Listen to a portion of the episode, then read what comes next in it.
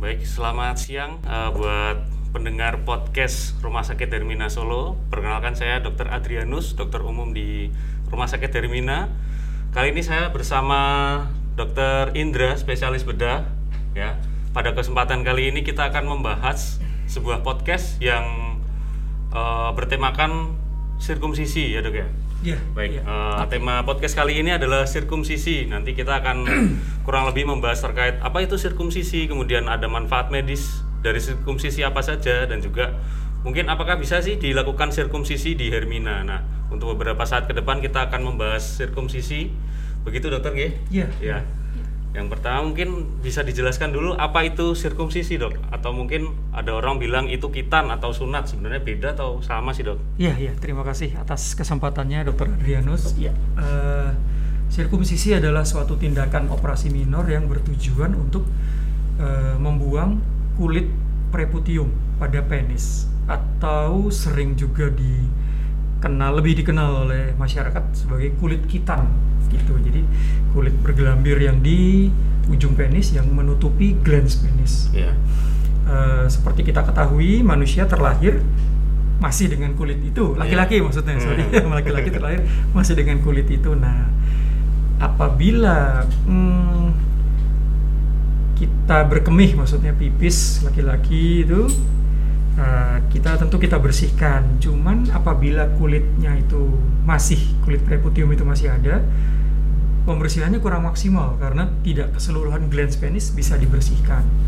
Apalagi pada anak-anak eh, itu kadang-kadang eh, lubang dari kulit preputium itu sempit. Hmm. jadi kulit preputium itu tidak bisa ditarik mundur untuk kita bisa membersihkan keseluruhan gland penisnya itu bisa menyebabkan penumpukan kotoran Hmm. di sekeliling glans penis terutama di kolumnya di lehernya glans penis itu eh, kotoran itu biasanya berwarna putih gitu Nah, itu apabila dibiarkan itu bisa menjadi sarang tumbuhnya Sumber infeksi ya, bakteri-bakteri dok, ya? Sumber infeksi ya Hmm. jadi memang eh, secara medis sebaiknya kulit preputium itu kita potong kita buang supaya glans penis bisa dibersihkan saat mandi Hmm.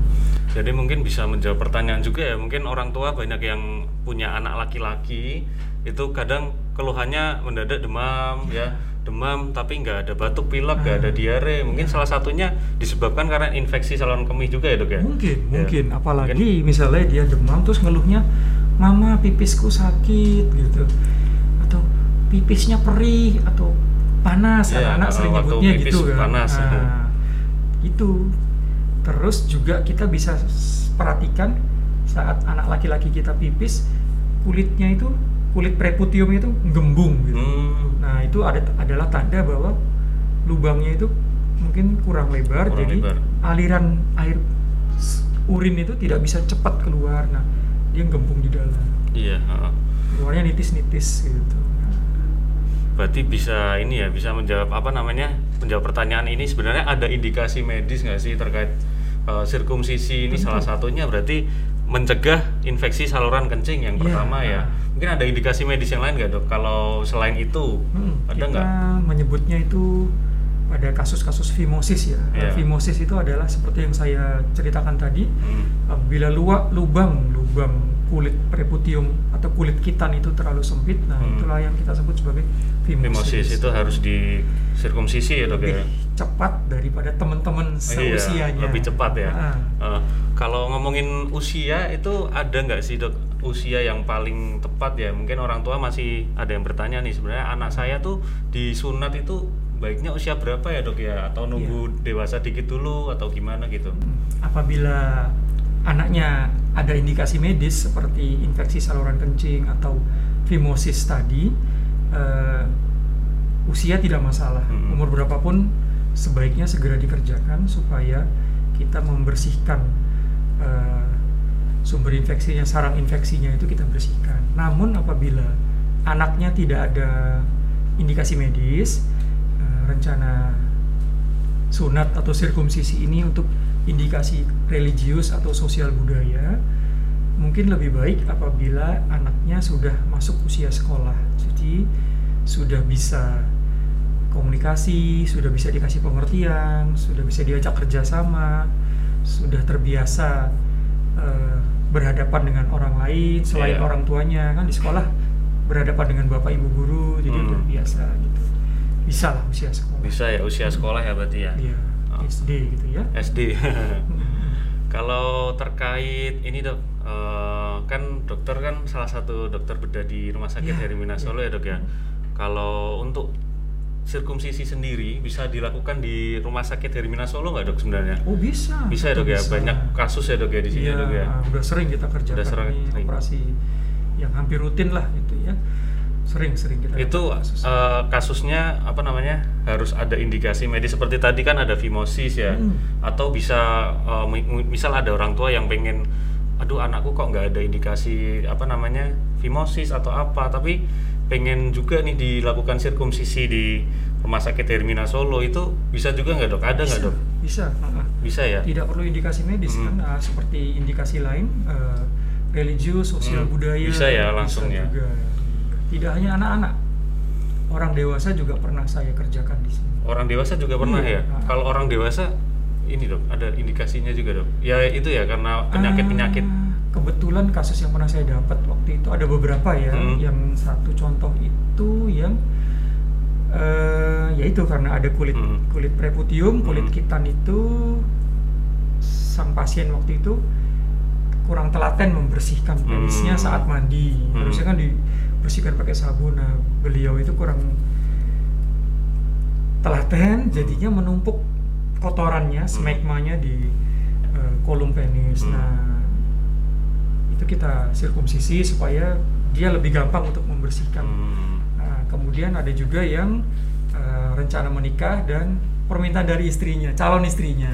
Ya, ada juga itu. bisa ada Bisa kasusnya juga. di sini ya Uh, Gitu. kalau misal di rumah sakit Hermina Solo nih untuk proses uh, sirkumsisinya bagaimana dok dokter bisa menjelaskan nggak ini pakai uh, biusnya seperti apa sih dok Oh iya. atau um, eh, kita bisa kerjakan dengan berbagai macam metode ya. iya Bius lokal bisa, bius dengan eh, TIFA atau general anestesi juga bisa.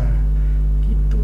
Eh, apakah kita eh, ini ada paket sirkumsisi yang sedang coba diperkenalkan oleh tim marketing kita ke Mhm. masyarakat itu eh, saya diberitahu kalau itu termasuk juga dengan eh, pembiusan eh, oleh dokter anestesi, Anestesi, ya iya. supaya pasien merasa nyaman, tidak kesakitan, tidak ketakutan Mhm. pada anak kecil.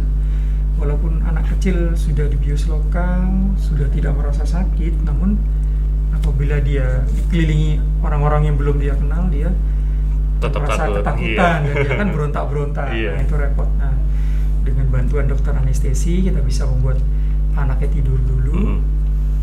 Kemudian setelah selesai tindakan, anaknya bangun sudah selesai. Hmm, Gitu. Jadi berarti aman untuk pasiennya, iya aman untuk tindakannya juga. Gitu. berarti ini ya dok ya simple ya dok ya sebenarnya Iya. kalau tindakan sirkumsisi di Hermina ya dok ya Iya. Terus eh, mungkin orang tua masih ada yang bertanya-tanya nih, karena kan ini kan sedang pandemi COVID ya dok ya. Hmm. Kalau untuk pandemi COVID sendiri dari Rumah Sakit Hermina ada penanganan tersendiri nggak sih terkait apa namanya penyaringan eh, orang keluar masuk ke rumah sakit atau bagaimana? Karena kan kadang mungkin ada orang tua yang masih khawatir nih dok. Oh iya, Iya. iya, tentu tentu. Ini di era pandemi COVID ini, eh, Rumah Sakit Hermina membatasi yang masuk ke dalam rumah sakit ya.